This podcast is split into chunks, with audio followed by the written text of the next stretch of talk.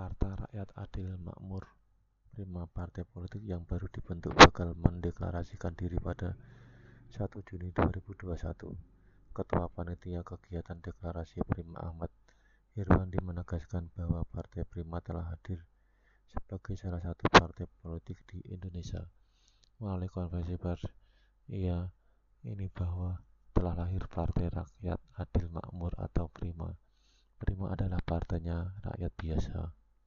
Irwandi melanjutkan pada hari ini Prima juga resmi memulai rangkaian menuju deklarasi 1 Juni.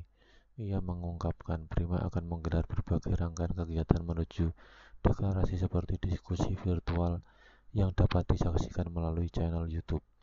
Kemudian Prima juga tengah menyiapkan film pendek mengenai berdirinya partai ini. Film ini akan dapat disaksikan pada deklarasi 1 Juni.